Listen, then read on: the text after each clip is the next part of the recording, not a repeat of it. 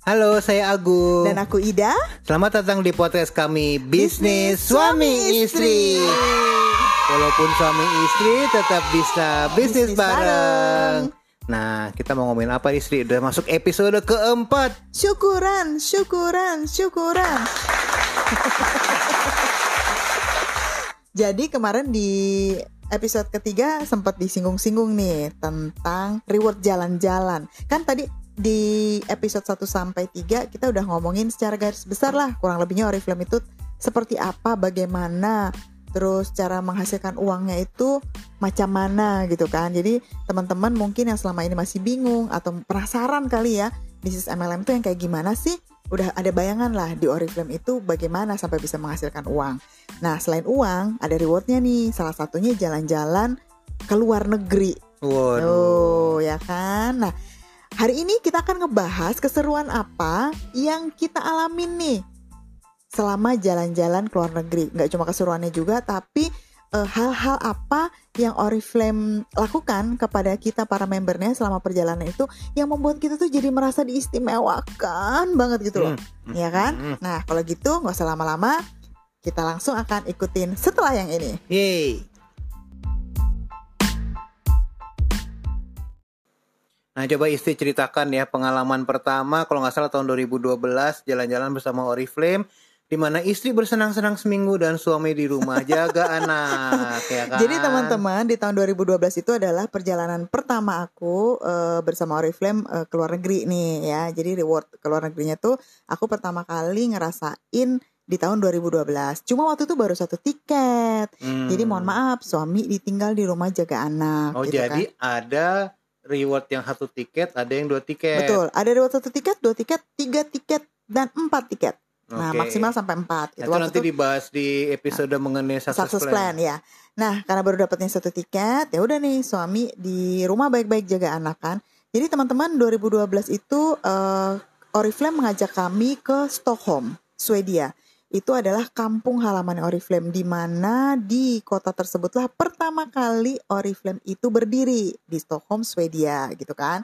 Eh, kebetulan itu adalah juga perayaan ulang tahun Oriflame Global yang ke-45 tahun. Hmm. Jadinya saat itu ya suami ya, itu berkumpul kurang lebih ada sekitar 6000 konsultan Oriflame dari seluruh dunia tumplek blek di Stockholm, Swedia gitu ya. Dan itu benar-benar karena lagi ngerayain ulang tahun tuh gila spesialnya luar biasa. Nggak pakai ngerayain ulang tahun aja setiap kali conference itu luar biasa istimewanya apalagi ini ulang tahun karena teman-teman itu untuk pertama kalinya gitu ya pada saat di panggung conference itu aku terbelalak tahu-tahu muncul di atas panggung suami Demi Moore. Wih. Uru. Dan dia ternyata sangat cantik dan awet muda saat itu ya. Dia waktu itu umurnya 50 tahunan lah. Itu aku sampai ah ya ampun Demi Moore hanya berjarak satu setengah meter dari muka aku gitu. Karena, aku Karena itu ya, kalau nggak salah tahun itu ada parfum Oriflame namanya Demi. eh ya More More by Iya. Demi sama ada palet palet kosmetik itu yang memang kerja sama sama si Demi Moore namanya More by Demi.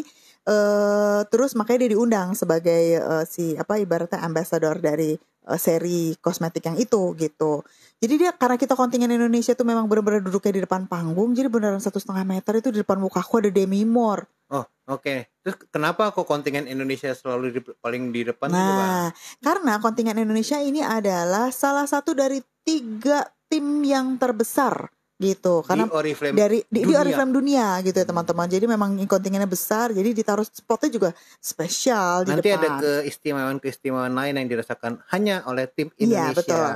Nah itu satu ketemu sama Demi Moore. Udah tuh kedua eh, teman-teman tahu kan ya band Roxette. Nah si Roxette ini kan asalnya dari Swedia.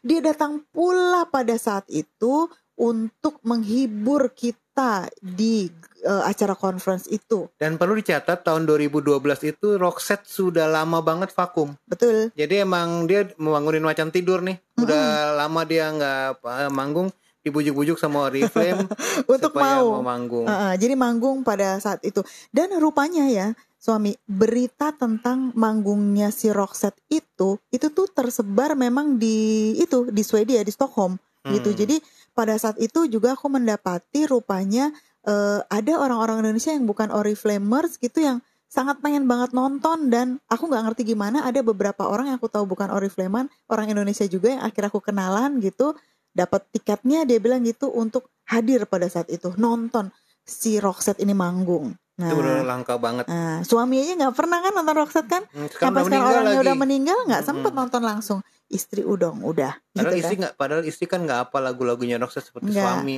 Iya, cuma satu itu doang yang Hmm. saya tahu lagunya yang mana coba tebak. It must have been love. Iya. itu doang. yang yang aku bisa teriak-teriak nyanyi It must have been love. Cuma bagian situnya doang refnya doang habis itu ke sananya nggak hafal gitu ya. Nah itu yang kedua. Terus yang ketiga yang aku merasa banget kita para peserta itu diistimewakan sama Oriflame adalah pada saat kita mau pulang ya di hari terakhir itu tahu-tahu kita seluruh kontingen eh, peserta itu pesertanya kan karena ribuan itu dibagi di beberapa hotel. Di beberapa hotel tuh dibagi. Nah eh, di drop lah kardus-kardus besar berisi sampo Yo, kasih sampo girang banget. Eh, dikasih sampo cuma apa istimewanya kan dikasih sampo Mm-mm.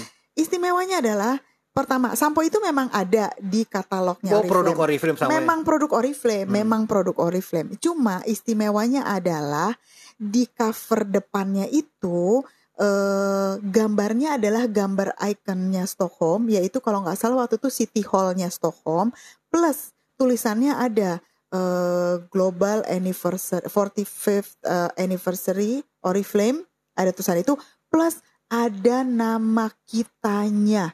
Jadi itu aku punya satu-satunya sampo Oriflame ya hanya satu-satunya di dunia tuh sampo Oriflame yang di situ terpampang ada nama akunya. Oh, keren gak tuh? Masih ada sampai sekarang aku simpan, aku sayang-sayang sampo yang nggak dipakai. Pokoknya itu akan aku jadikan sebuah ini eh, apa namanya itu pajangan berharga banget karena nggak ada satu orang pun yang waktu itu eh bukan nggak ada satu orang pun jadi tidak ada orang yang akan bisa punya sampo itu kalau pada saat itu tidak hadir di Gold Conference Stockholm 2012 Hmm, Ah. sementara nasib suami di rumah jaga anak, masak untuk anak, udah gitu mending anaknya merasa merasa gembira ya dimasakin suami. Dia eh, mengata-ngatai kalau makanan bapak, seakan bapak kurang enak. kakak kurang enak. Nasib suami udah gitu. Untung akhirnya di supermarket berhasil menemukan sebuah bumbu bumbu buat eh, ngebumbuin kentang goreng. Jadi mirip dengan kentang goreng yang biasa dia beli di mall. Jadi dia bilang wah itu lumayan lah ya. Urusan kentang goreng bapak lebih hebat daripada bunda. Uh-uh. berkat bumbu rahasia itu. Eh, yang lainnya pokoknya bapak nggak enak masakannya tapi kentang gorengnya juara Hmm. tapi begitu anaknya tahu ya ternyata itu dia bapaknya beli bumbu Hmm. jadi itu dia baru bilang ah ternyata bapak memang tidak lebih hebat dari bunda soal memasak. Asik. Hmm. oke itu baru satu hal. Kita akan lanjut habis yang ini ya. Ya puas ya jalan-jalan di Stockholm seminggu. Terus yang aku kapan mau lagi? eh aku lupa bilang eh, 2012 itu bukan pertama pertama kali aku, eh, aku keluar negeri teman-teman. Sebelumnya tuh udah keluar negeri sendiri tuh ke Thailand. Yang deket-deket yang murah bayar Hmm. sendiri. Kalau bayar Nah. sendiri deket kalau dibayarin baru jauh ya. Nah di, yang barang Oriflame ini adalah pertama kalinya aku menginjak benua Eropa. Ternyata Eropa dingin cuy. Tuh oh, puncak juga di ini puncak. Dinginnya lain. Walaupun summer tapi semriwing adem gitu. Hmm. Oke, itu 2012. Lalu 2014 itu aku pergi lagi teman-teman dan perjalanan Oriflame pada waktu itu adalah eh, disebutnya dengan Gold Cruise karena kita naik kapal pesiar. oh ya seru banget aku inget 2014 itu aku naik kapal pesiar Di mana kamu naik kapal pesiar? oh enggak ya Kamu nggak ikut tahu. oh, aku juga di rumah lagi jaga anak Jadi dia lagi-lagi masih di rumah karena aku baru dapat satu tiket teman-teman. Itu 2014 naik kapal pesiarnya itu Royal Caribbean Cruise. Eh, pertama kali aku naik kapal cruise dan salah satu kapal pesiar terbesar di dunia dan aku baru tahu ternyata naik kapal cruise itu enak banget gitu. apa enaknya Wah seru banget teman-teman. Karena pertama yaitu aku ngerasa itu ya naik kapal cruise itu kalau misalkan aku tahu-tahu ditutup matanya, dibikin pingsan gitu ya, udah gitu dibangunin di atas kapal, itu kalau nggak dibilangin itu aku lagi di atas kapal, aku nggak tahu loh. Aku pikir aku ada di sebuah hotel yang gede banget. Hmm. Karena sama sekali nggak berasa tuh goncangan-goncangan air laut itu nggak ada. Bener-bener Aku pernah dulu tahun 2 eh 99 naik kapal ke Padang, naik kapal apa kamu? naik kapal Kambuna. Rasanya apa? Kapal kabul. Oh itu kalau ada ombak kita pegangan. Nah itu dia bedanya mana kapal cruise. Jadi itu 2014 perjalanannya itu ke eh, kita menyusuri eh, laut Mediterranean teman-teman. Jadi berawal dari Spanyol dari Barcelona, terus kita ke Marseille eh, Prancis, udah gitu ke Nice Prancis. Habis itu dari Nice kita ke ke Roma, dari Roma terus kita ke sebentar habis dari Roma tuh aku ke mana lagi ya? saking banyaknya tuh perjalanan dari Roma wait wait wait wait wait oh ke La Spezia dulu habis La Spezia itu ada Pisa ada Pisa sama Florence teman-teman habis dari La Spezia baru kita pergi ke Roma dari Roma baru kita pergi ke Napoli dari Napoli balik lagi ke Barcelona Bentar deh, ini kan judulnya Gold Conference. Mm-mm. Terus conference-nya di mana kalau di kapal? nah ini dia ada di kapal itu ada sebuah ruang pertemuan Oh. Ruang pertemuan besar banget. Dan waktu itu yang dipilih oleh Oriflame adalah ruang pertemuannya itu yang eh, dipakai untuk pertunjukan ski es. Apa sih namanya tuh? Eh, Ice skating. ice skating. Nah, jadi si para ininya hebat deh. Si para manajemen globalnya Oriflame itu ternyata pada pinter main ice skating tahu. Oh, jadi mereka Mereka itu sambil sambil tetap ada tetap gitu. ada. Jadi mereka sambil pakai sepatu ice skating gitu sambil sambil membawa ada yang panggungnya ada, tapi pas yang manajemen global itu mereka gitu. Si para petinggi-petinggi global itu di atasnya ice skating itu meluncur-luncur gitu. Keren deh. Oh, kenapa kamu kagum istri itu kan memang negaranya dia adem. Hmm. Kalau lagi musim salju main ski. Mm-mm. Itu kepandaiannya mereka main ski itu setara dengan kepandaian orang Indonesia main engklek. Oh iya Nah, juga. Coba mereka suruh main engklek belum karan bisa, bisa ya. ya kan? Nah gitu, pokoknya tuh aku ngerasain pertama kali naik kapal pesiar, ya ampun enak banget. Dan pada saat itu ya suami aku tuh berdoa, Hmm. Ya Allah aku pengen ngajak suamiku naik kapal pesiar. Oh, Pak, memang saya sayup-sayup di rumah sambil goreng telur untuk anak. Rasa kayak terdengar samar-samar, oh aku sedang didoakan oleh istri ya Allah Eh, gitu. serius tahu waktu itu aku bilang aduh ini enak apa bakalan seru banget kalau aku perginya bisa bersama suami nggak sendirian gitu. Begitu aku selesai goreng telur Raffi ini telur dimakan terus kata anaknya telur bapak nggak inyak. bahkan telur ceploknya dia bilang anaknya nggak enak enakan buatan bunda. Hmm. nah itu tahun 2014 ya. Nah 2015-nya perjalanan Oriflame membawa kami ke London Inggris. Nah pertama kali lagi tuh aku ke negara yang baru gitu ya. Waktu di London itu serunya adalah Oriflame menyediakan ini kartu transport. Aku kok lupa ya nama kartu transport di London tuh apa sih? Octopus gitu namanya aku lupa. Dan itu kartunya udah diisiin saldo untuk kita pakai jalan-jalan selama seminggu. Jadi Hmm. Oriflame memikirkan sampai sebegitunya tuh. Ini orang-orang bakalan keliling kota naik bis double decker si bis merah itu teman-teman yang tingkat itu dia kasihlah kita kartu yang udah diisi saldo aku lupa deh kalau di rupiah sekitar satu setengah juta gitu untuk kita keliling naik bis Satu setengah juta, juta per orang loh. Per orang orang berang yang ngumpul berapa ribu orangnya? nah itu aduh aku lupa deh berapa ribu ya saat itu ya Ini kurang lebih biasa satu kali conference minimal lima ribuan minimum ya. no no no lima ribu tuh kalau global ya lima di atas 5.000. Oh. kalau misalkan nggak global sekitar dua ribuan Hmm. bayangin eh, tak satu setengah juta dikali dua ribu ya segitu banyak lah banyak ya Mm-mm. banyak ya itu teman-teman jadi kita udah disiapin jadi kita udah nggak mikirin soal transport tuh di sana tinggal naik bis atau naik si apa eh di Inggris tuh apa sih kereta bawah tanahnya namanya lah sampai aduh maaf ya saking seringnya jalan-jalan ke luar negeri beda-beda namanya jadi lupa pak Oh iya iya. iya. cup cup mereka suka nyebutnya cup. cup ya Hmm. oh iya naik cup benar jadi tinggal tap tap tap tap doang pakai kartu udah bebas kita tidak mikirin transport gitu Nah. Lumayan walaupun suami goreng telur di rumah minimal suami tahu di London itu nama kereta buatannya cup. ya betul Berkat baca koran Berkat- alhamdulillah. Ah, alhamdulillah ya, walaupun belum mengalami langsung ya Pak Iya, ya. Aduh, ya ampun. Sampai akhirnya ya Allah, teman-teman, Tuhan Allah yang Maha Kuasa mendengarkan doaku. Hmm. Nah, doa yang mana? Habis yang satu ini. Nah istri coba deh itu eh, katanya ada doa yang kabul tuh apa tuh coba? Di tahun 2017 akhirnya Allah mendengarkan doaku. Karena di tahun 2017 itulah untuk pertama kalinya aku berhasil mendapatkan reward perjalanan ke luar negerinya untuk dua tiket. Dan bisa ngajak suami teman-teman. Jadi di tahun akhirnya.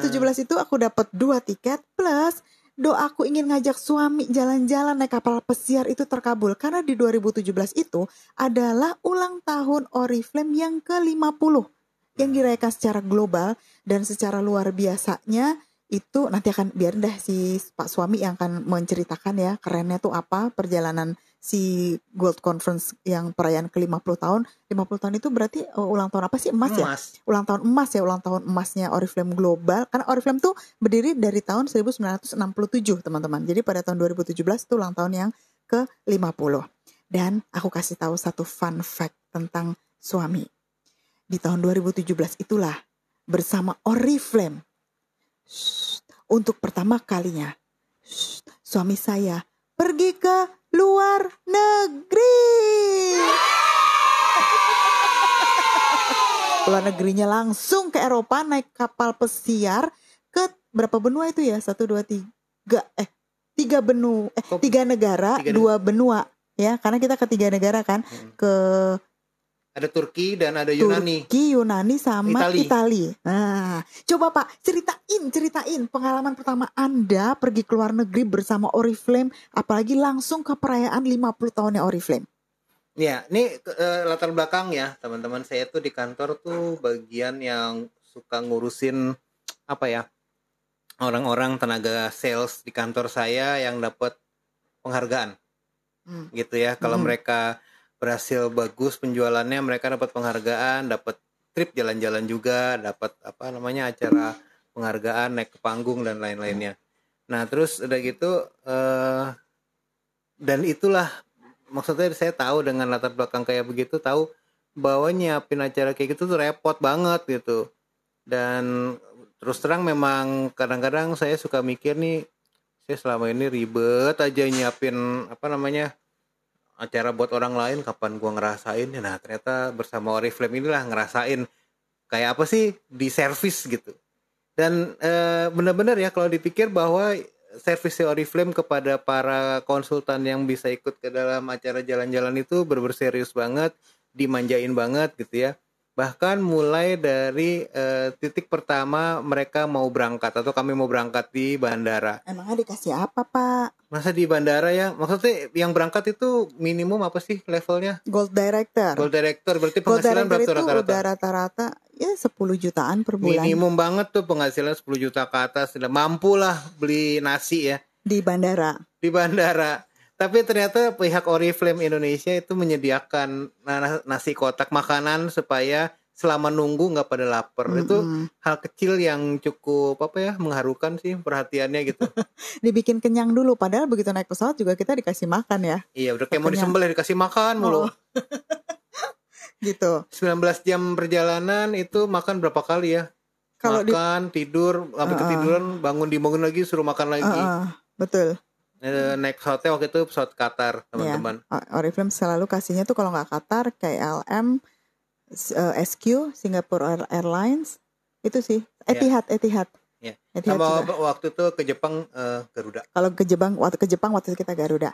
Nah, ceritain Pak, bagaimana serunya perayaan 50 tahun? Ceritain dulu tentang kapalnya nih. Berapa kapal waktu itu? Nah itu kan eh, karena perayaannya global jadi anggotanya ada 6.000 orang Oriflamers dari seluruh dunia. Sebenarnya kita nggak bisa nyebut Oriflame, mereka tuh nyebutnya Oriflamians ya. Iya, bukan Oriflamers, tapi, Tapi orang Indonesia suka nyebutnya Oriflamers ya udahlah nggak apa lah. Ah, ah. Oriflamers dari seluruh dunia ada 6.000 orang. Nah kan nyarter nih, ya ibaratnya kita lagi dharma wisata nih. Iya, Mau benar. nyarter biasanya kan nyarter bis. Bis Nah, atau angkot. Nah bis kan kapasitasnya 38 orang. Eh itu tuh yang ikut lah ada 60, berarti nyarter dua bis gitu kan. Ah, atau lebih gitu. Nah ini kapalnya ini charter dua teman-teman, dua kapal pesiar ukuran jumbo. Mm-mm. Yang masing-masing isinya 3000 member Oriflame dan itu benar-benar full teman-teman. Semuanya itu khusus untuk Oriflame. Bahkan itu sekapal-kapalnya di branding Oriflame. Kagak ada tamu lain di kapal itu kecuali Oriflamers. Udah gitu, nah di branding Oriflame ini maksudnya gimana? Logo Oriflame bertebaran di mana-mana. Itu Di kapal serasa milik sendiri. Iya, kayak kapalnya Oriflame karena semua logonya Oriflame sampai ke tisu-tisunya aja. Lihat nggak kamu? Mm-mm. Notice nggak? Logonya logo Oriflame. Saking itu memang bener-bener dibikin untuk Oriflame. Eh, ceritain dong gimana acara pembukaannya Oh pembukaannya. pas di atas kapal tuh. Jadi di atas kapal di deck yang paling atas itu ada Udah kolam, jalan nih kapalnya teman-teman ya. ada kolam renang. wah tuh makanan diumbar jadi kita situ bener nih, udah kayak rasanya kayak mau disembelih jadi kita sambil eh, makan eh, apa berdiri berdiri situ tuh ada petugasnya datang nyamperin ngasih Oh, makan mau tawarin makan makan Iya. minum makan minum makan minum Betul. Dan yang lucunya lagi banyak banget petugasnya ternyata orang Indonesia. Iya, ada aku nanya waktu itu di kapal itu sekitar 50 orang orang Indonesia. ada waktu itu ditawarin aku di- dia, dia datang bawa piring gitu kan terus aku eh, ba- berhubung lagi di luar negeri kan harus pakai bahasa Inggris kita kapan? Mm-mm. Nah, suka, what's this? gitu aku tanya gitu maksudnya ini makanannya apa? Terus dia bilang ini lumpia goreng pak katanya gitu. Wah orang Indonesia. Lumpia goreng. Jadi, Nah, nah, terus itu yang itu ada dibikin eh, dibikin adalah acaranya eh, sore sunset gitu Iya, ya iya, iya, iya, Jadi benar-benar emang menjelang matahari terbenam. me- menjelang matahari terbenam dan abis itu lewatlah sebuah pesawat Mm-mm. pesawatnya nyeret tulisan Oriflame Iya, jadi bawa kayak spanduk itu eh, spanduk besar di tengah laut, kapalnya mulai jalan gitu teman-teman. Terus di atas itulah dengan membawa spanduk Oriflame. Yeay. Oh, kita kasih tepuk tangan dulu, tepuk tangan. Yeay. Gitu, saking eh, ininya, oh pokoknya spektakuler banget makanan dan minumannya beneran nggak ada limit ya teman-teman. Piringnya habis piringnya masuk keluar ada makanannya lagi. Pokoknya orang terserah nggak dibatasin makan mas berapa banyak. Di di kapal cruise kan memang gitu. Orang pantang lapar. Hmm. nah ya kan? Jadi itu udahlah nyewa dua kapal pesiar besar. Dan jalannya beriringan gitu ya. Keren Hmm. banget ya. Jadi kita bisa lihat kapal sebelah gitu. Iya. itu. Nah jadi udah itu eh, pertama ya Eh, hari pertama itu kita sampainya ke mana dulu Kusadasi ya ke Turki. Nah ingat nggak pas kita? Jadi itu eh, kapal mera- eh, sandarnya teman-teman di di pelabuhannya Kusadasi Turki itu sekitar eh, sebelum subuh. Masih gelap. Ingat nggak begitu kita buka jendela balkon kamar jadi tunggu tunggu ke sebentar di pelabuhan itu adalah perbukitan. Perbukitan. Iya. ya pun aku sampai masih merinding loh membayangin itu nah begitu orang-orang pada subuh subuh buka kamar kan kita masing-masing ada jadi balkonnya ada menghadap balkonnya ke laut kan Heeh. eh di bukitnya ada tulisan Oriflame juga kayak Hollywood gitu Heeh. nyawa Jadi eh, sama Oriflame aku nggak ngerti gimana dia caranya ya apa sih namanya itu membuat pemerintahan si Kusadasi Ya, gimana? itu ya kan ada mas-mas Oriflame datang ke Turki eh Ke- kita numpang dong bikin tulisan Oriflame ke, kan- raksasa ke kantor kantor Tulisannya gubernurnya gede gitu. banget tulisannya kan Karena itu kelihatan dari kapal itu. Jadi begitu aku subuh aku yang notice pertama kali itu teman-teman pas buka balkon udah nyampe eh udah nyampe di pelabuhan karena udah berhenti nih kapalnya. Begitu buka ya ampun suami sini lihat lihat lihat lihat gitu aku Hmm. bilang kan. Ada tulisan Oriflame jadi di bukitnya itu terpampang gede banget tulisan Oriflame seperti tulisan Hollywood di Amerika sana yang khusus dibikin untuk menyambut dua kapal ini datang. Jadi habis udah selesai kapalnya berangkat ya udah tulisannya dibongkar. Dicabut lagi. Nggak ada Gila tu- itu masangnya juga setengah mati. Udah cuma untuk sehari itu doang. sehari itu bayangin. doang habis itu dicabutin lagi. Heeh, gitu. Aduh ya ampun itu gila banget sih. Terus dari Kusadasi kita ke mana tuh? Ke Mykonos, Iya. ya kan? Dan itu me- melewati hari-hari di atas kapal yang mana itu beneran seperti program penyembelihan. Makan, tidur, Nah, jalan-jalan di kapal. makanannya ini yang luar biasa teman-teman. Jadi eh, Oriflame itu tahu bahwa Indonesia itu salah satu negara yang paling banyak nih Kontingennya. kontingennya, anggota kontingennya dan termasuk yang menduduki top 15 eh, dunianya tuh ada beberapa perwakilan ada di Indonesia. Jadi Heeh, Indonesia disegani lah. mm-mm. Kalau ibaratnya kita tuh di, di kayak di bulu tangkis gitu lah, pokoknya Iya, jagoan lah gitu kan. Indonesia jagoannya lah. Jagoan dunia gitu. Mm-mm. Dan udah gitu kalau di dalam kapal itu kan kita ketemu kontingen negara-negara lain kalau mereka tahu kita dari Indonesia suka ngajak foto bareng serasa artis. Where do you come from Indonesia? Ah, take picture, take picture Iya, gitu. kayaknya dia bangga banget Heeh. ketemu orang Indonesia ya. Heeh, Baru gitu. pertama kali gue sebagai orang Indonesia ya sama ini udah bangga tapi itu ekstra bangganya gitu. Bangga banget gitu. Ya udah, terus Terus udah gitu makanannya itu rupanya dari pihak Oriflame pesen nih Hmm. supaya ada makanan yang sesuai lidah orang Indonesia. jadi Misalnya ada mie gorengnya. Biar selama di kapal itu nggak kangen gitu ya sama masakan ini. Ada nasi goreng, ada mie goreng gitu Mm-mm. dan belakangan kita baru tahu ya Iya. bahwa ada rahasia di balik itu istri. pas kita lagi ngobrol sama salah satu manajemen global pak acara apa? Oh director seminar waktu itu di Indonesia. Ada manajemen global dari Stockholm datang. Kita ngobrol itu ya? Iya. maksud kamu itu bukan? Nah kan? Nah dia ternyata ngasih tahu apa suami Ternyata itu bahwa eh, apa setiap kali Oriflame mau ngajakin orang-orang ke satu negara itu dia udah preparationnya udah persiapannya udah panjang gitu ya. Termasuk yang dibikin detail adalah makanan. Kalau dia dirasa makanan tempat tujuan itu beda banget sama lidah orang. Dan di sini adalah karena Indonesia adalah salah satu yang terbesar jadi yang dipikirin banget lidahnya orang Indonesia gitu. Kalau harus misalkan ada nasi. Harus ada nasi minimum ada mie goreng gitu. Nah kalau misalkan di negara tujuannya itu jenis makanannya kira-kira akan kurang cocok sama eh, orang Indonesia diterbangkan aja koki dari Indonesia untuk melatih koki di sana jangan kayak Iya. orang susah bener banget jadi kita baru tahu ya ampun sampai segitunya gitu jadi koki-koki di negara tujuan akan belajar masak-masakan Indonesia dari chef yang didatangkan dari Indonesia oleh Oriflame Dan Hmm. karena Indonesia itu mayoritas muslim, di semua acaranya Oriflame itu makanannya bener-bener dikasih tanda halal dan tidak halalnya Iya, gitu. betul. Dipisah jauh-jauh. Meja yang ini khusus makanan halal, yang ini yang tidak halal gitu. Hmm, Di- betul. ditandain banget benar-benar banget. diperhatiin ya gitu nah itu eh, pas kita udah di Kusadasi di Mykonos di Mykonos ya itu memang satu pulau di di Yunani yang luar biasa cantik banget Loh, ya Di Mykonos itu coba bayangin kita dibikin acara rally mencari jejak. oh, oh mencari jejak khusus tuh untuk para Jadi satu kota itu dikasih beberapa pos yang ada petugas-petugas Oriflame-nya. Nah kita dikasih peta, ceritanya soal nyari jejak nanti di setiap pos ada permainan Mm-mm, betul yang boten-boten aja itu tuh. gila keren banget gitu ya. Itu kita sampai malam ya waktu itu kebetulan kita harus ada ikutan meeting sama tim Rusia juga waktu itu ya. Iya. Krunya itu kalau nggak salah sampai berapa gitu ya jumlah eh, Ada apa, volunteernya, ya, ada si volunteernya. Panitianya itu Iya, karena ada. mereka butuh orang banyak banget ya. Mm-mm, Bayangin iya. satu pulau disiapin beberapa titik untuk menghibur si anggota Mm-mm. kontingen ini. Lalu terakhir kita menuju ke Yunani ya. Di Hmm. Yunani itu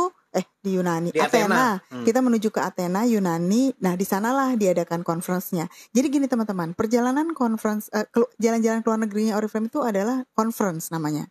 Conference itu kalau bahasa Indonesia apa sih? Seminar gitu Iya, ya. seminar. dalam seminggu itu sebetulnya satu harinya seminar sisanya jalan-jalan bebas gitu. Nah yang pada saat cruise ini itu conference-nya adanya di Athena. Ya udah kita di Athena itu juga disewain satu hall besar gitu ya. Bekas Olimpiade. bekas olimpiade dipakai untuk acaranya Oriflame pada saat itu. Waduh itu juga spektakuler banget lah. Gede ah udahlah luar biasa banget lah. Ini baru perjalanan 2017 loh ya Iya. ya kan kalau gitu habis ini kita ceritain perjalanan yang berikutnya Oke, 2017 sudah nih. Kemudian 2018, ini juga udah dua tiket, ya kan? Ada dua perjalanan pada saat itu, teman-teman. Eh, jadi aku 2017 itu pertama kali jadi Diamond Director, jadi udah berhak untuk pergi ke luar negerinya setahun dua kali dan dapat tiketnya dua. Di tahun 2018 itu perjalanan pertamanya awal tahun kita ke mana, Somi? Jepang. Ke Jepang, ke Eh, Tokyo. ini- Ntar aku mau cerita dulu latar belakangnya. Jadi tahun 2017 terus dia baru pindah kantor. Nah, Terus pas eh, wawancara pekerjaan eh, ada permintaan apa atau ada biasa kan biasa negosiasi apalah mau gaji atau apa. Dia cuma minta satu. Jadi gini, saya mulai tahun ini akan dua kali setahun pergi ke luar negeri. Tolong harap dimaklumi kalau Nggak saya jawab. sering cuti sekali cuti seminggu. Udah Kalau- itu aja permintaannya. Iya, Iya, ya kalau udah. kalau Anda mau silakan hire saya gitu ya. Mm-mm. Kalau nggak mau ya gimana lah caranya tolong diatur gitu ya. Mm. Tahun 2018 itu bulan April kita perjalanannya ke Tokyo teman-teman ke Jepang. Ori- Oriflame pilih bulan April eh, karena dipas-pasin sama eh, ini apa namanya tuh cherry blossom Iya. musim sakura. Padahal harusnya teman-teman perjalanan yang awal tahun itu diadakannya itu di bulan Januari. Tapi Oriflame saking pedulinya gitu bahwa ini ke Jepang, masa perginya bulan Januari kan? Yang sangat khas dari Jepang itu kan sakura. Jadi sama dia dipindahkanlah jadwal keberangkatannya itu di bulan April karena supaya kita bisa lihat cherry blossom. Ditambah satu faktor lagi, Januari masih terlalu dingin untuk orang Betul. Indonesia. Pokoknya lagi-lagi disayang-sayang orang Indonesia, dia takut masuk angin orang Indonesia kan. Iya banget. Jadi bulan bulan April aja segitu udah ibaratnya spring aja dingin ya waktu itu ya. Hmm, sekitar 12 derajat. Heeh, dingin ah adem-adem gimana lah gitu. Bagaimana kesan dan pesan suami jalan-jalan ke Tokyo bersama Oriflame? Yang sangat mengagetkan adalah di hotel. Jadi eh, biasalah ada orang-orang orang-orang Oriflame Indonesia yang wajah-wajah familiar yang berjaga terus di lobi hotel. Pokoknya eh, anggota kontingen Indonesia mau minta apa yang nanya apa pun, ada yang sakit butuh ke apotek atau apa gitu mereka udah siap siap siaga banget lah untuk membantu. Eh ada satu nih mas-mas Jepang eh nyelip nyelip di antara Oriflamers Indonesia ternyata dia bisa lancar banget bahasa Indonesia gara-gara dia tinggal di Depok. Depok, iya. Lama berapa belas tahun dia tinggal di Dan Depok. akhirnya dia nikah sama orang Depok. Itu bahasa Indonesia lancar banget jadi aku terkaget-kaget dan ternyata eh, itu kan baru pertama kali ya ikut conference yang eh, ada di satu kan yang pertama tadi di cruise. Nah, ah, bukan Nah, bukan di satu bukan kota. satu kota. Ini kan satu kota doang. Ternyata itu adalah eh, standar operating procedure. Prosedur standarnya Oriflame harus ada satu orang di helpdesk di kota itu yang orang sono Mm. maksudnya ngerti eh, bagaimana kota itu. kota itu tapi juga lancar bahasa Indonesia Ya, betul. untuk ngebantuin kontingen Indonesia segitu disayangnya tuh orang Indonesia luar Iya, biasa betul. itu eh, dan itu pertama kali kita ke Jep- eh, kami ke Jepang teman-teman dan itu membuat kami jatuh cinta ya sama Jepang dan pengen banget balik lagi karena ah se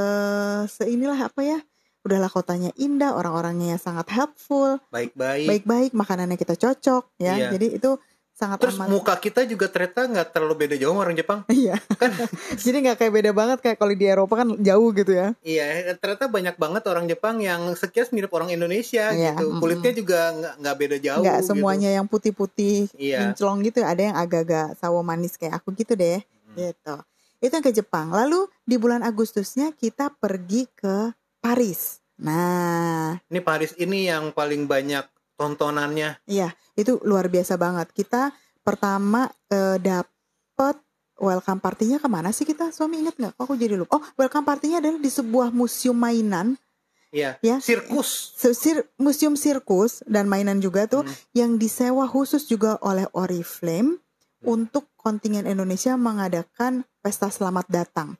Kita bebas main di dalam apa pun permainan secara gratis dan makanannya dong. Aduh, tetap Oriflame tuh pokoknya nggak pernah Dan kita kekurangan seperti biasa makanan. ada lumpia, ada makanan Indonesia. ya ada makanan Indonesia nyelip di situ ada. Udah nyampe ke Perancis tetap disiapin makanan Indonesia. Aduh, itu gila banget. Itu satu. Terus kedua, kita naik ini eh Saint River Cruise Iya. makan malamnya. Jadi eh, sambil di atas sungai itu melintasi Menara Eiffel. Ya, jadi kita pokoknya diajak keliling sungai eh, Seine itu ngelihat apa namanya tuh spot-spot turismenya yang dilewatin di sungai Seine sambil kita makan malam. Oh, terus itu kan pergantian ya dari sore ke apa namanya tuh ke malam jadi men- eh, melalui sunset. Oh ya ampun, bener nih bener Dan- ya. dan di Kota bulan cinta Agustus itu Oh. Di bulan Agustus sunsetnya jam 9 malam. Iya, jadi bener-bener ya ampun itu aura romantismenya itu bener-bener. Hah, pada saat itu aku rasanya perasaanku terhadapmu itu ya suami Hmm. berlipat-lipat rasanya. Kalau sekarang udah kusut lagi ya. Waktu itu kan udah dilipetin. udah kayak cucian. Habis dilipetin dia acak-acak. kusut Heeh. gitu jadi memang aku merasa auranya kota Paris itu memang ini aura of love gitu dan yang paling spektakuler dari Paris pada saat Hmm. itu ya tuh teman-teman kita diajakin acara gala dinernya ke Moulin Rouge ya Moulin Rouge itu kalau teman-teman tahu itu adalah sebuah apa namanya tuh Pertunjukan tempat kabaret. pertunjukan kabaret I cannot tell you apa yang ada di dalam sana karena teman-teman harus beneran datang sendiri dan nonton. Kalau teman-teman ini ya cari coba googling dan cari videonya, teman-teman nggak akan nemuin ada pertunjukan apa di dalam Mulang Rouge itu. Dilarang mengabadikan. Iya, karena di Dilarang dalam itu mengabadikan. kita dilarang banget untuk apa foto-foto dan ambil video gitu. Jadi itu memang eksklusif banget dan juga mahal. Eh, kalau misalkan kita waktu itu suami Bahkan misalkan kita turis biasa Nah, punya duitnya males kan bayarnya? Dan punya duit belum tentu dapat tempatnya wong itu antri banget. Iya, paling kita cuma foto di depannya doang, di depan kincir Iya anginnya kan itu. ciri khasnya ada kincir Ah, angin. kincir angin itu doang. Nah ini kita masuk, kita makan dinner di sana, plus kita nonton si kabaretnya full. Ibaratnya tuh di, di, di- dikasih sama restoran tuh full set semuanya gitu loh. Nah itulah yang di dalam situ yang teman-teman aku nggak bisa ceritain. Dan seperti Harus biasa di, pi- di, dimanjain ya maksudnya perpindahan dari satu tempat ke tempat yang lain tuh ada bis dengan apa namanya siap mengantar Mm-mm. dan yang menarik ya istri kalau misalkan eh, perusahaan lain mungkin kalau bikin tour yang skala besar seperti itu bisnya dipatok oke bis akan siap jam sekian gitu kan Iya. jam sekian bis akan siap untuk mengantar kalian ke hotel kalau misalkan kalian di luar waktu yang ditetapkan ya udah nggak bisa Hmm. pokoknya bisnya jam sekian Nah, kalau ini tuh bisnya free flow. jadi toto penonton ada yang bosen nonton simulan rus itu dia keluar eh bis tolong dong antar saya ke hotel diantarin isi cuma tiga orang Iya, betul. Jadi dia terus aja muter looping di situ. Mulang Rus Hotel, Mulang Rus Hotel, terus ya gitu. Ah, itu benar-benar ini sih teman-teman pengalaman yang luar biasa banget yang aku rasain pas di Paris, ya. Itu 2018. Masih ada 2019, habis yang satu ini. Aduh, jalan-jalan terus capek ya. tapi 2019 itu memang akhirnya karena status saya sebagai pegawai kantoran membuat suatu keputusan sulit Jadi teman-teman 2019 itu akan ada tiga perjalanan itu. Jadi yang perjalanan ke luar negerinya kan dua tuh. Ke Sydney, Australia sama ke Stockholm. Stockholm lagi Oriflame pada saat itu. eh di bulan Agustusnya. Dan ada satu perjalanan dalam negeri yaitu ke Bali. Nah waktu itu eh, Agung cutinya tinggal buat seminggu nih. bukan Iya, Eh, tinggal iya, seminggu. Tinggal dua, seminggu. dua minggu jadi Bukan, yang kan perbatasan April kamu, oh iya betul ya kan? betul tinggal seminggu dan dia harus menentukan. Jadi pada saat itu Januari ke Sydney, Februari ke Bali. Nah Agung jatah cutinya tinggal seminggu, dia harus pilih. itu masing-masing seminggu seminggu tuh Sydney seminggu ah, balik seminggu Sydney kan seminggu, eh, Bali seminggu. Nah Agung akhirnya harus memilih. Aku tanya, kamu jadi gimana nih cuti tinggal seminggu?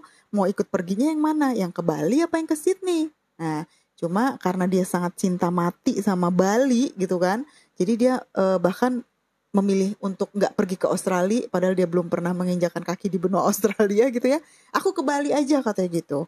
Kamu aja sana Sydney gitu. Jadi ya udahlah, aku aja pergi ke Sydney sendirian. Bali adalah satu-satu tempat di dunia teman-teman di mana memori kita yang pernah ke sana itu bukan hanya memori visual yang kita lihat pandang di mata gitu ya bukan hanya memori di lidah dari makanannya yang enak-enak gitu ya tapi juga memori dari segi wewangian jadi Wanginya sangat ya khas. hidung. Terus Iya. suara-suara suara-suara gamelan Gamelannya, Bali gitu ya, mm-mm. suara uh, wanginya dupa dan bunga Bali itu nggak ada di tempat lain. Maksudnya nggak ada sepanjang pengalaman saya gitu ya, suatu tempat yang eh, ingatan kita akan tempat itu juga dihiasi dengan ingatan mengenai wewangian yang khas Mm-mm. gitu. Nah, jadi di Januari 2019 berangkatlah aku ke Sydney, ya kan, sendirian. Yang bisa aku ceritakan ada di setiap perjalanan tuh pasti ada yang istimewanya, yang sangat ibaratnya tuh, oh, aduh gila Oriflame tuh seniat itu gitu, men, me, mentreat apa sih bahasanya mentreat, me- memperlakukan, Menjamu, mem- menjamu menjamu. kita nih si para membernya gitu. Yang paling spektakuler pada saat di Sydney itu suami, Oriflame menyewa si amusement parknya, eh, parknya yang Taman di Ria. Sydney, Taman Rianya. Ya ibaratnya ancolnya Sydney, eh ancol, Dufan, Hmm. Dufannya Sydney itu namanya, kok mendadak lupa ya? Namanya apa sih? Yang Coba, gambarnya orang mangap itu ah, ya. coba cari-cari. Luna Park. Nah itu dia. Namanya Luna Park. Luna Park itu kayak Dufannya di Indonesia, tapi ini Dufannya di Sydney itu namanya Luna Park. Itu semua satu area itu semua teman-teman benar-benar disewa full untuk menjamu kita welcome party.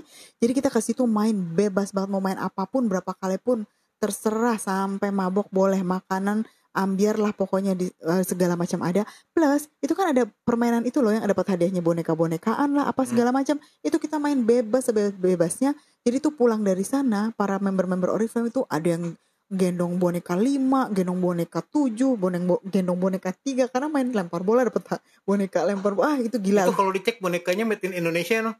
Iya kali ya.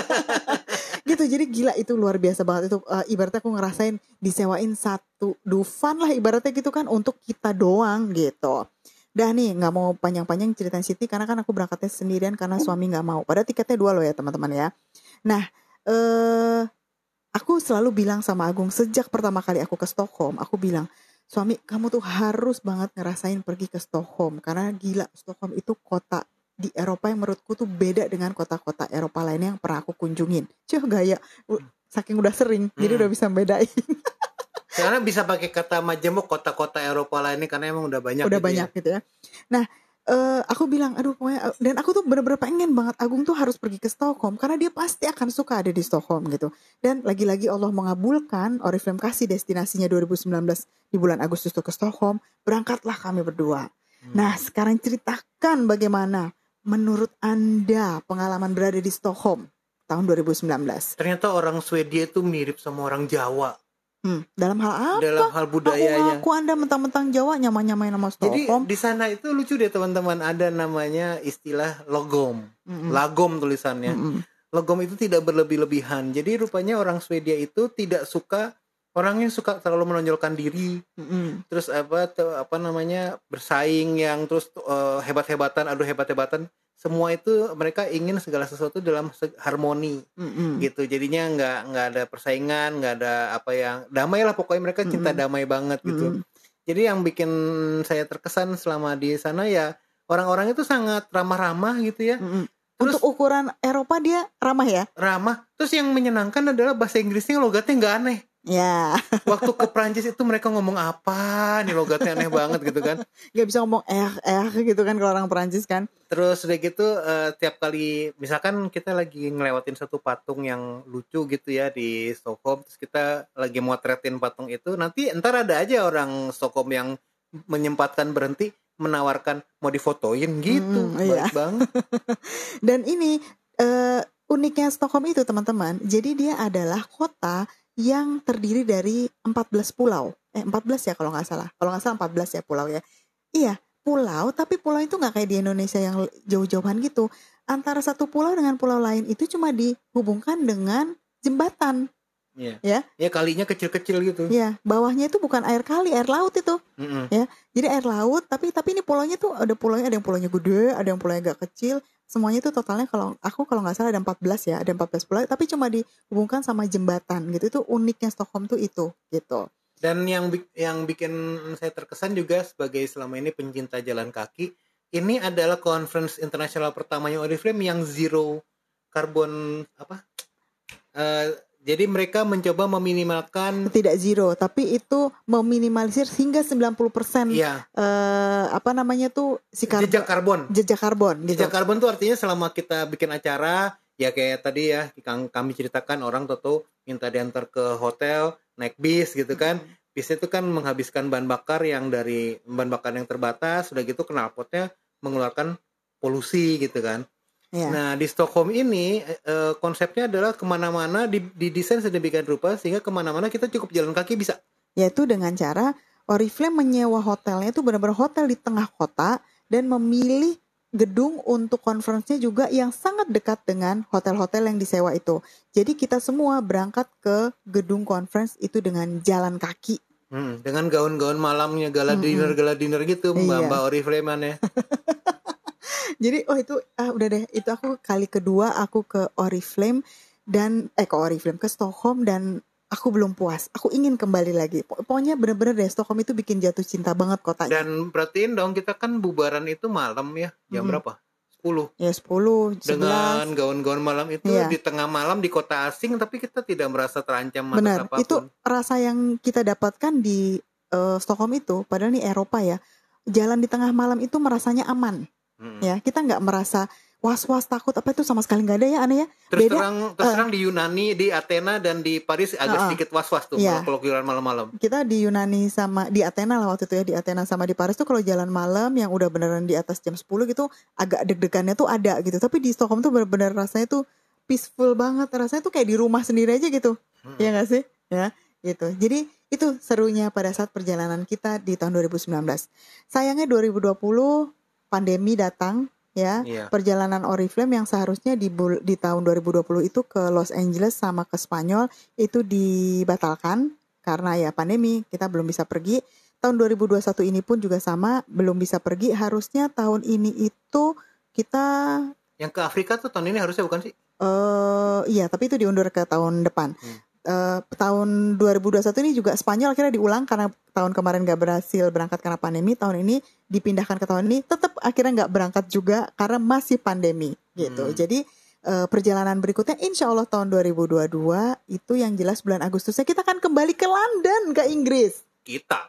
Saya Kita. belum pernah. Oh, oh iya, mohon maaf, saya yang akan kembali, Anda yang akan pertama kali. gitu. Jadi begitulah teman-teman serunya perjalanan eh apa namanya itu reward dari Oriflame Tapi gitu. terus terang nih ada yang nggak enaknya eh, jalan-jalan bersama Oriflame. Gara-gara jalan-jalan Ah, sama ah, iya, Oriflame itu nih. tuh dia Aduh, ini jangan jangan kira semuanya enak ya teman-teman. Ada satu hal yang nggak enak banget, nggak enak banget. ah coba ceritain ceritain. Jadi sesudah tahun 2017 saya pergi ke tiga negara kan berarti di paspor saya ada cap dari tiga negara, tiga Hmm. negara Italia, Iya. Turki dan eh, apa namanya eh, Yunani. Yunani.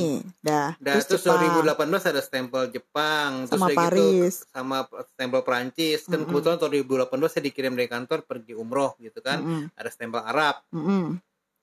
Nah, terus tahun 2019. 2019 ada stempel ke Swedia. Hmm. Sesudah pulang dari Swedia, saya sama teman-teman kantor itu mau jalan-jalan iseng-iseng teman-teman ke Singapura. Gaya banget jalan iseng ke Eh, Singapura. Gitu. Aku mah jalan iseng mah ke mana kayak gitu. kalau udah terbiasa setahun dua kali keluar negeri, kalau belum genap dua kali rasanya meriang. kan 2019 baru sekali kan Baru ke Sto- Stockholm ya. baru Stockholm dong karena Iya, sini iya, kagak iya. ikut kan. Mikir gimana caranya biar bisa dua kali Heeh. setahun ke luar negeri. Ya udah deh Eh, kalau gitu ke Singapura. Singapura aja lah gitu kan. Dan eh, Agung belum pernah ke Singapura sebelumnya belum pernah ke. Singapura. Mm. Nah, pas di imigrasi nih teman-teman. Nah, Ditahan di- dia, teman-teman. Dibuka paspornya kan. Dilihat nih sama si mas-mas petugas yang mas-mas Singapura Ini ada stempel Itali lah, ada Turki lah, ada Prancis, Jepang gitu. Terus dia Yunani. nanya itu. "Eh, pertama kali ke Singapura. Iya. Kenapa? Kok kenapa sih pertanyaannya saya bilang gitu? ya wajar-wajarnya emang eh, kenapa Dik, Dik kayaknya heran kenapa ada orang Indonesia yang biasanya kan orang Indonesia paling pertama pengalaman ke luar negeri ke Singapura Hmm, gitu kan. Singapura atau Malaysia Ini gitu ada ya. satu mas-mas Indonesia udah pergi ke mana-mana tapi belum pernah ke Singapura nih kayaknya agak sedikit terluka ha- harga diri. Tahu nggak tadi teman-teman? Saya nggak lolos, nggak langsung lolos dari cap itu. Dia ditahan di imigrasi teman-teman ditanya-tanya dulu. Diinterogasi kira-kira 45 menit. Kenapa kok kamu udah pernah ke mana-mana tapi belum pernah ke sekarang jadi, jadi saya dianggap mencurigakan. Eh, kenapa namanya eh, sekarang tuh keperluan apa ke Singapura sama siapa nginepnya di mana gitu. Udah gitu teman saya juga pas eh, saya kan minta bocoran karena yang booking hotel dia gitu kan. Saya sempat salah nyebutin nama hotelnya jadi ditambah dibikin di dinilai mencurigakan lagi. Hmm. Begitulah. Efek samping dari jalan-jalan terlalu banyak bersama Oriflame teman-teman ya. Aduh ya ampun seru. Ya jadi begitulah teman-teman eh, keseruan jalan-jalan rewardnya. Nah reward-reward ini bisa teman-teman dapetin kalau teman-teman tentu aja bergabung di Oriflame. Oh iya deh teman itu kita tuh nggak nggak nggak menyediakan cara untuk mengontak mereka kalau mau bingung mau nanya-nanya naik sama kamu nanya ke Nah, siapa, iya juga, eh, nanya ke mana juga ya. gitu kan. Jadi kalau teman-teman yang dengerin podcast ini dan ternyata punya jiwa traveling yang besar dan ngerasa, aduh mau deh gue join Oriflame kalau bisa jalan-jalan kayak gitu. Mungkin teman-teman duit udah banyak nih ya. Tapi kan kalau jalan-jalan sendiri, Sesenang-senangnya jalan-jalan. ah, paling seneng tuh kalau dibayarin. Ya. Nah, ya kan? itu sama kayak aku dulu. Pada saat join gitu ngeliat, hah bisa jalan-jalan gratis. Nah ini dia nih yang gue cari. Karena kalau jujur teman-teman ya, kalau soal duit, mohon maaf nih, nggak kurang-kurang lah ibaratnya gitu ya. Pada saat aku join dulu tuh, yang aku fokus tuh bukan uangnya, tapi aku sebenarnya lagi- lebih nyari waktu. Aku tuh pengen punya waktu lebih banyak gitu, karena di bisnisku yang sebelumnya aku bisnis konvensional, eh, bisnis cake ya, itu capek banget gitu kan, bener-bener yang kurang tidur, udah gitu waktu habis untuk bikin cake mau jalan-jalan kayak gini tuh susah Hmm. gitu. Nah makanya pas saat aku lihat ada Oriflame, ah ya ampun aku bisa jalan-jalan, bisa punya waktu yang lebih fleksibel, plus bisa dapat duit juga, itu oh siapa yang nggak tertarik gitu kan. Nah teman-teman kalau mau tanya-tanya lebih banyak tentang Oriflame, boleh WhatsApp aku atau Telegram ke nomor 0815 711 4356. Aku ulangin ya, 0815 711 4356. Nanti kita bisa ngobrol-ngobrol seseru apa sih bisnis Atau Oriflame. kalau mau baca-baca pengalaman Oriflame lainnya bisa Ya, klik mampir ke blog aku. Blog aku tuh ada di bisnisbarengida.com ya. sambung ya, nggak pakai spasi, namanya Mm-mm. juga alamat website. bisnisbarengida.com udah diketik nyambung semua nanti kan jebret keluar dari situ Eh, seru betapa seru-seruannya aku di Oriflame tuh aku ceritain di blog aku itu ya begitulah ini kita udah ngomong panjang lebar banget udah panjang banget ya episode kali ini. Karena kalau ngomongin jalan-jalan nggak bisa sebentar ya suami ya? Sebenarnya masih banyak sih yang bisa diceritain dari cara Iya jalan-jalan banyak itu. banget. Ini cuma ah cuma sekecil-kecil. Eh lupa tuh kayak di Paris kan kita mau nyeritain itu. Satu nih teman-teman sebelum aku lupa. Di Paris ya teman-teman pas kita habis pulang dari conference harinya conference harinya seminar kita kan pulang ke hotel nih. Tahu nggak di kamar kita masing-masing itu udah ada dua botol bon cabe. Halo, dari siapa? Dari manajemen Oriflame Indonesia dong. Sweet banget kan? Dengan ada tulisan eh, pesan dari eh, head of Oriflame Indonesia pada saat itu Bapak Niklas dia nulisnya gini eh, kurang lebihnya saya tahulah kalian orang Indonesia ini pada suka makan pedas makan sambal. Di Paris kan susah cari makanan pedas. Oleh karena itu masing-masing dari kalian saya beli saya beri dua botol Bon Cape level 15 Dan ini lagi-lagi ya teman-teman, maksudnya eh, anggota konting- kontingen Indonesia tuh nggak sedikit. Iya. Jadi itu nge, Yang ke Paris itu 700 orang loh. ngebekel bon cabe untuk Iya. 700 orang itu kan ada bagasi tersendiri Iya, loh. jadi khusus untuk bawa bon cabe untuk ntar dibagiin di Paris.